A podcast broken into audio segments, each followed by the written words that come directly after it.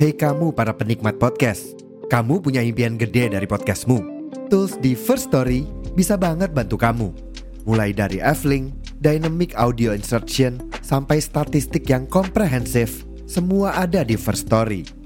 Gak ketinggalan, kamu bisa monetisasi podcastmu lewat iklan dari First Story Ads yang bisa kasih kamu penghasilan dari setiap place podcastmu. Yuk gabung sekarang dengan klik di firststory.me. Sekali lagi, di firststory.me. Mari kita bawa mimpi podcastingmu menjadi kenyataan. Jadi malam minggu kemarin tuh gue kumpul sama anak-anak di sini lah. Kita udah kenal dari 2018 dan pas kemarin kumpul kayaknya udah lama deh bener-bener lengkap kumpul gitu kayak ya tiga tahun lalu dan kemarin kumpul lagi rasanya nggak jauh beda dari 2018. Nah, gue mau bahas di episode yang ini.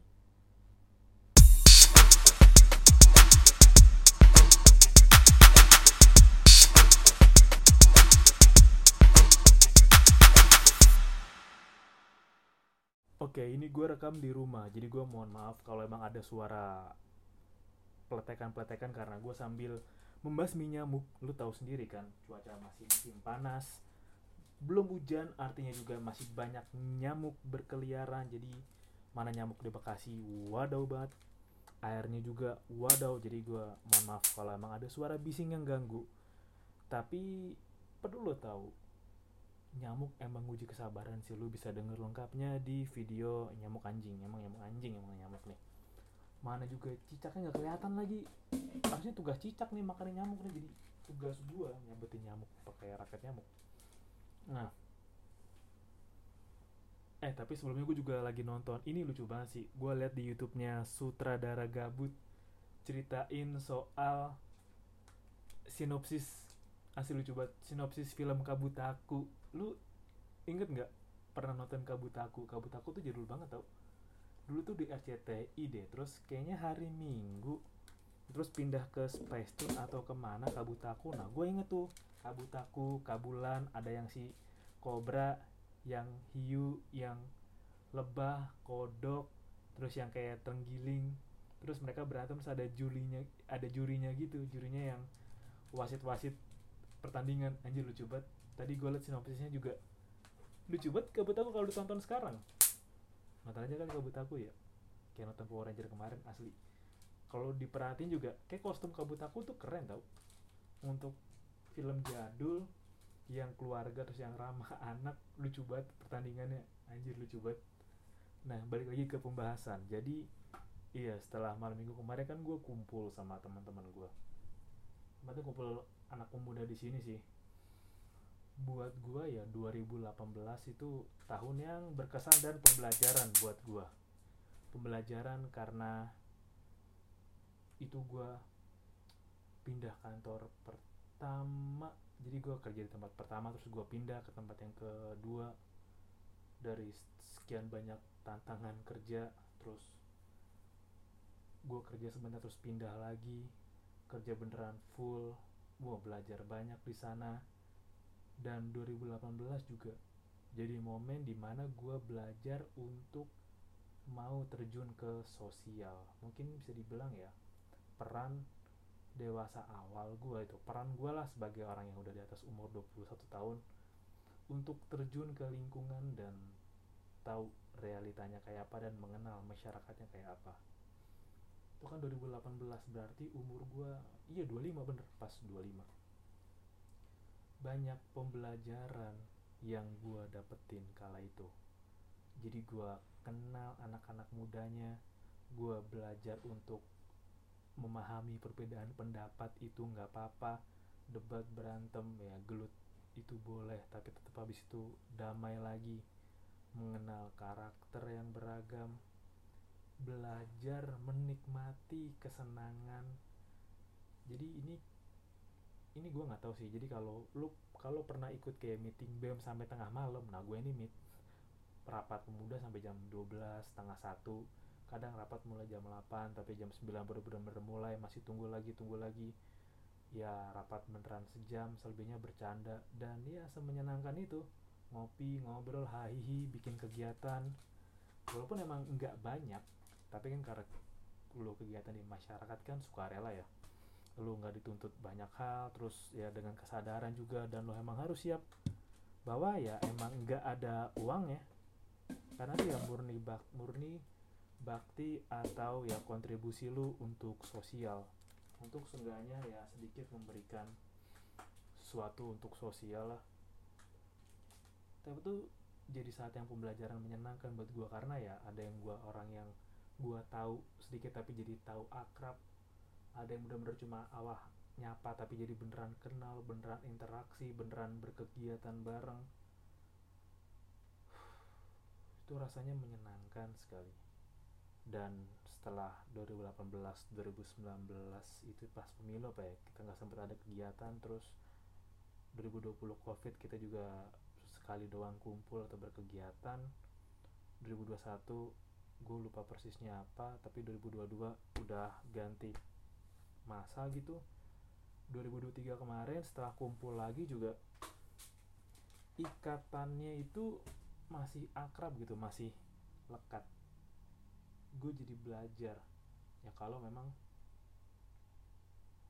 emang sih mungkin satu tipe kali ya tipe yaudah lo kalau mau nongkrong di depan rumah kita aja deh emang suasananya seru buat nongkrong buat ngeriung terus ya jajan aja. Jajan ih asli lucu tau kalau dipikir kayak ya udahlah misalkan kita beli seblak beli gorengan beli basreng gitu gitu terus ya beli minum minuman manis lah ya udah.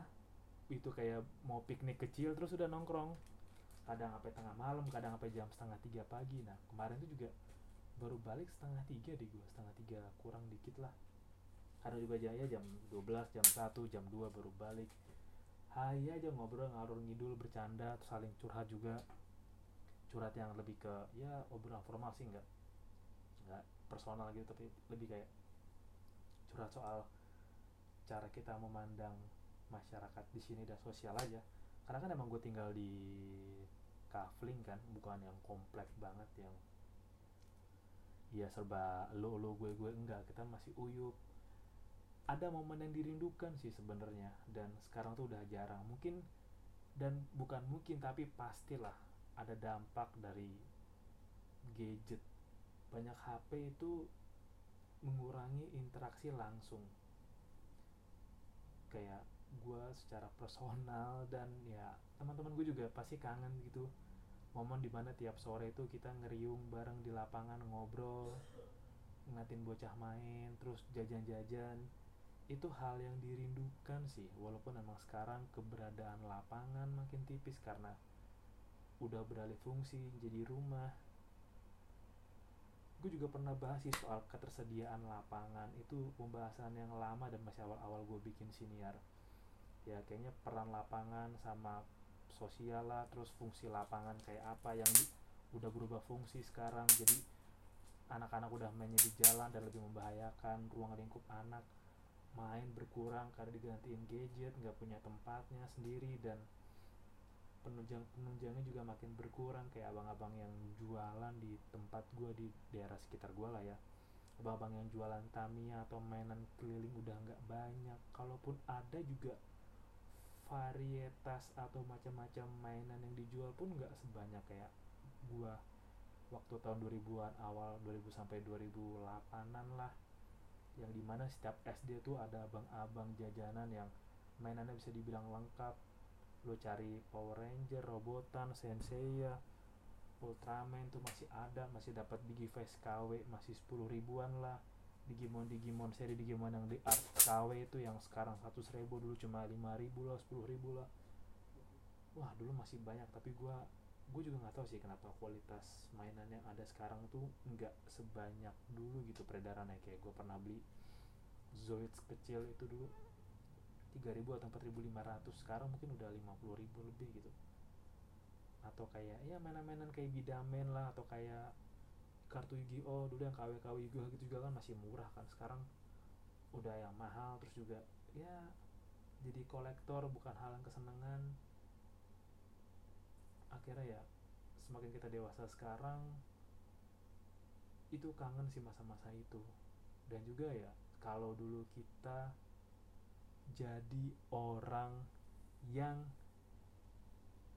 menikmati apa yang lingkungan tawarkan sekarang kita menjadi atau melakukan peran yang apa yang bisa kita lakukan untuk lingkungan atau untuk ya keadaan sosial.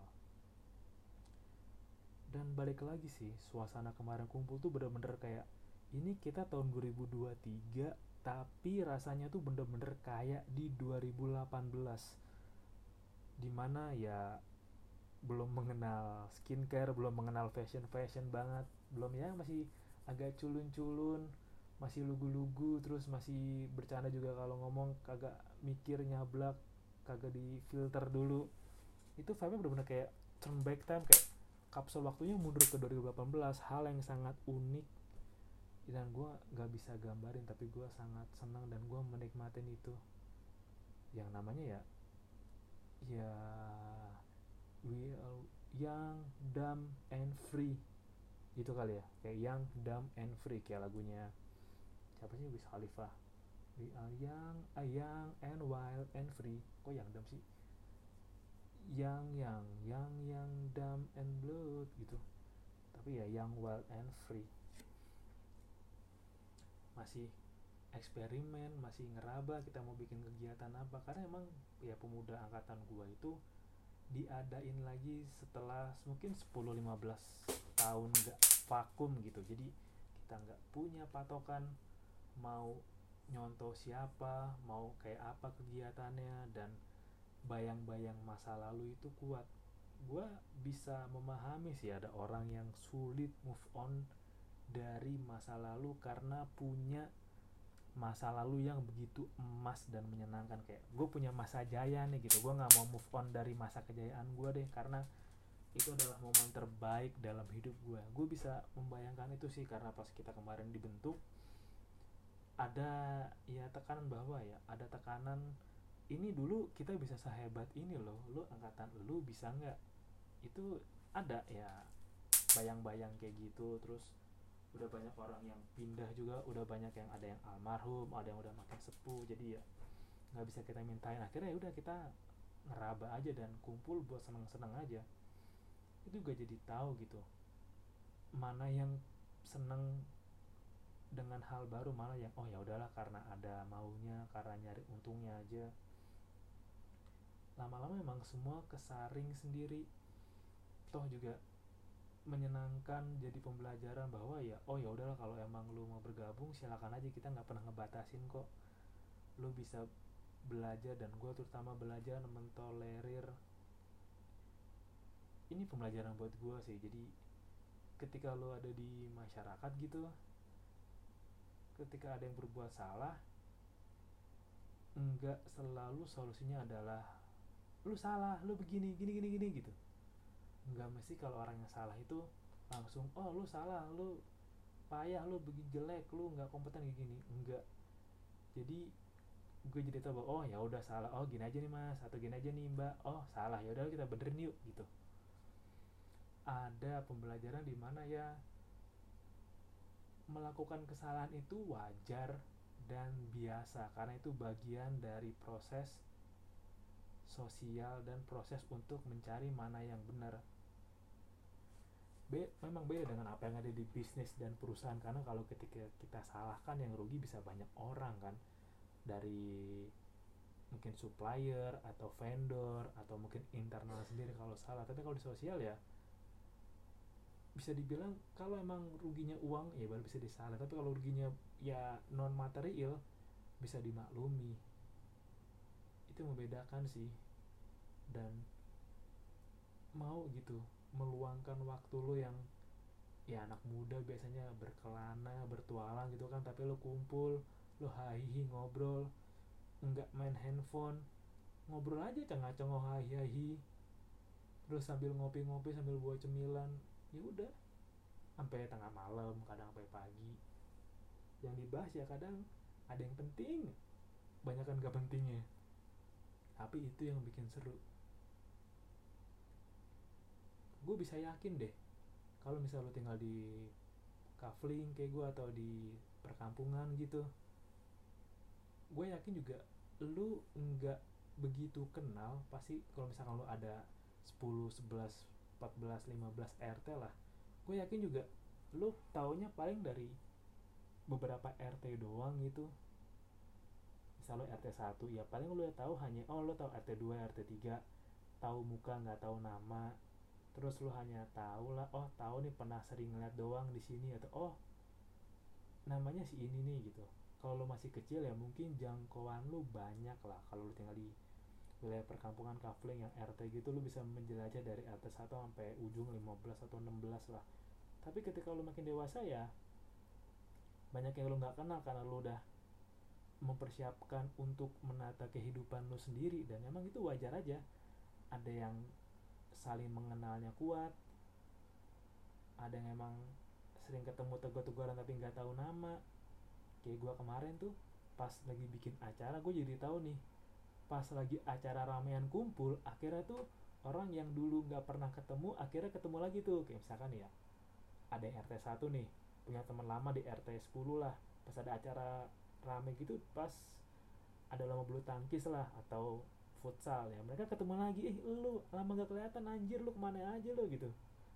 Itu yang bikin silaturahmi itu yang bikin kenal itu yang bikin uyup. Nah itu nilai jual kita itu nilai hebatnya kita itu nilai masyarakat kita. Paguyuban ya patembayan ya kita yang uyup saling mengenal satu sama lain. Gue jadi tahu gitu makanya gue bisa punya nilai toleransi karena gue tahu kalau kita nggak mau membuka diri atau mengenal orang lain kita akan sulit buat beradaptasi dan menerima perbedaan pendapat. Atau ya udah boleh deh lu berbeda pendapat tapi untuk yang nggak beda-beda banget ya. Atau orang boleh bersuara yang penting pendapatnya sama aja. Kendalanya memang lu mau kenal nggak lu mau cari tahu nggak? Makanya pas kemarin masih masih awal-awal bikin tuh ya gua dan teman-teman lain kita keliling ke masing-masing kepala RT untuk kenalin kita dari pemuda sini nih. Kenalin ini Pak RT siapa sih pengurusnya siapa sih? Seenggaknya ya kalau lu sulit ngapalin nama kan gue termasuk yang sulit ngapalin nama tuh karena ada banyak RT pengurusnya juga. Gue cuma tahu beberapa orang doang dan beberapa interaksi gitu sama orang tua gue jadi gue tahu beberapa. Tapi seenggaknya adalah lu mau aktif duluan sebagai anak muda mau mengenalkan diri duluan mau aktif duluan lah mengenalkan diri dan mencari tahu gitu. Di tempat ini nama Pak RT nya siapa tuh di tempat ini lingkungannya gimana. Makanya kemarin pas keliling itu kita tahu oh ada beda budaya nih oh ada beda bahasa nih oh ada yang beda kayak beda apa namanya cara pandang. Dan itu menarik menarik aja karena kan emang yang nilai yang membuat kita hebat itu kan karena banyak perbedaan ya kan tapi kita tetap bersatu. Dan gue jadi tahu gitu kayak jadi lebih mengenal karakter banyak orang. Nah gue yakin sih bahwa ya banyak orang yang karakternya itu beda banget di masyarakat sama di lingkungan kerja. Kalau gue sekarang sih gue lebih milih ya gue ingin dikenal bukan dari apa yang gue apa yang gue ini kali ya apa yang gue berada di tapi lebih ke apa yang gue lakukan. Karena gue nggak tahu sih kalau pandangan gue ya sehebat hebatnya lo misalkan lo anggota DPR kek atau lo artis ke atau lo musisi ke ujung-ujungnya yang akan terlibat langsung dengan lo yang lo harus berperan langsung atau yang yang membuat lo atau bisa bantu lo yang lo mesti bantu atau bahkan orang yang nolong lo adalah di mana tempat lo tinggal. Gue jadi tahu bahwa ya sehebat hebatnya lo gitu misalkan lo punya nama hebat di luar lo misalnya lo sutradara yang bagus lo komposer yang bagus lo seniman yang bagus tapi juga lo perlu menjaga nama lo di masyarakat seenggaknya lo kenal gitu sama banyak orang di tempat lo tinggal di RT lo dan lo punya banyak relasi. Karena ya lo mengurus dokumen lo mengurus surat menyurat ya orang-orang yang di masyarakat kan yang lu mesti terlibat langsung. Makanya penting bagi lu untuk menjaga tetap damai dan tetap rukun. Maka namanya rukun tetangga kan bukan akur tetangga tapi rukun. Karena ada yang nggak akur tapi tetap rukun ada yang nggak akur kayak beda pendapat nih. Misalkan ya beda pendapat pilpres tapi tetap rukun-rukun aja karena ya udahlah beda pendapat di pilpres. Tapi kalau soal kita bertetangga soal kita misalkan ya bikin acara bareng tetap aja ayo tetap rukun tetap uyup. Ya kan namanya rukun tetangga bukan akur tetangga. Dan dari sana gue juga dapat pembelajaran gitu. Jadi ketika lo kenal dengan masyarakat lu bisa memberikan kontribusi apa dan ngebantu lu untuk menambah relasi lo menambah relasi. Jadi lu tahu gitu oh ketika lu nyari sumber datanya sesuatu lu bisa minta orang yang terdekat sama lu dan lu tahu gitu rumahnya di mana personalnya gimana itu ngebantu lu sih untuk lu mencari rekan untuk usaha atau lu ada lowongan kerja lu bisa sharing ke tetangga lu ke orang-orang yang lu kenal. Karena emang gitu. Temen gue juga gitu kalau ada lowongan itu bagi nih coba usahain sendiri ya cari ya gitu. Ini gue kasih rekomendasi gue lu coba dulu ya. Ngebantu lah banyak banget. Dan lu juga belajar gitu.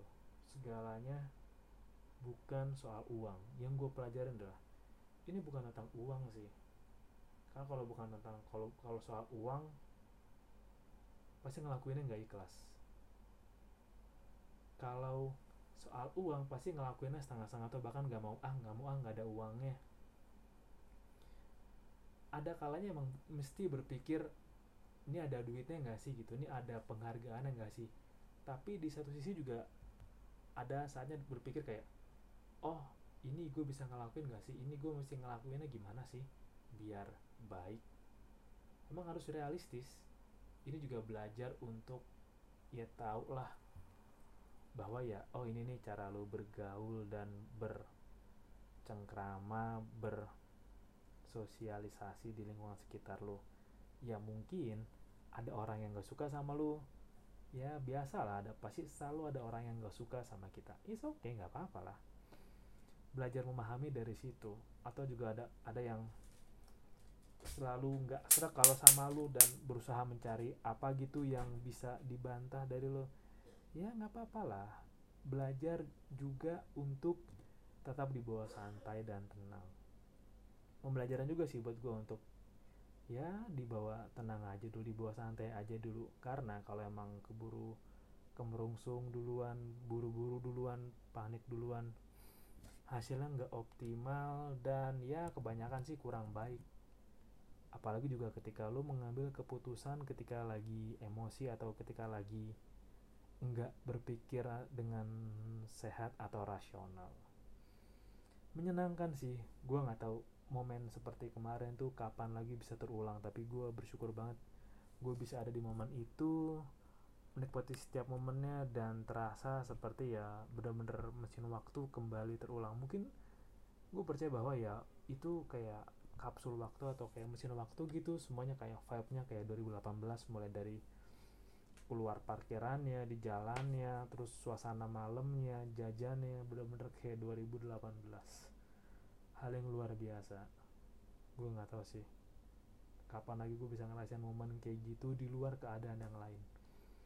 Gue bersyukur banget gue harap ya adalah momen gue bisa ngerasain kayak gitu lagi dalam peristiwa tertentu untuk kejadian tertentu dan gila nikmatnya bahagianya nggak bisa digambarin dengan kata-kata Terima kasih udah dengerin episode kali ini dan sampai jumpa di episode berikutnya. Bye bye.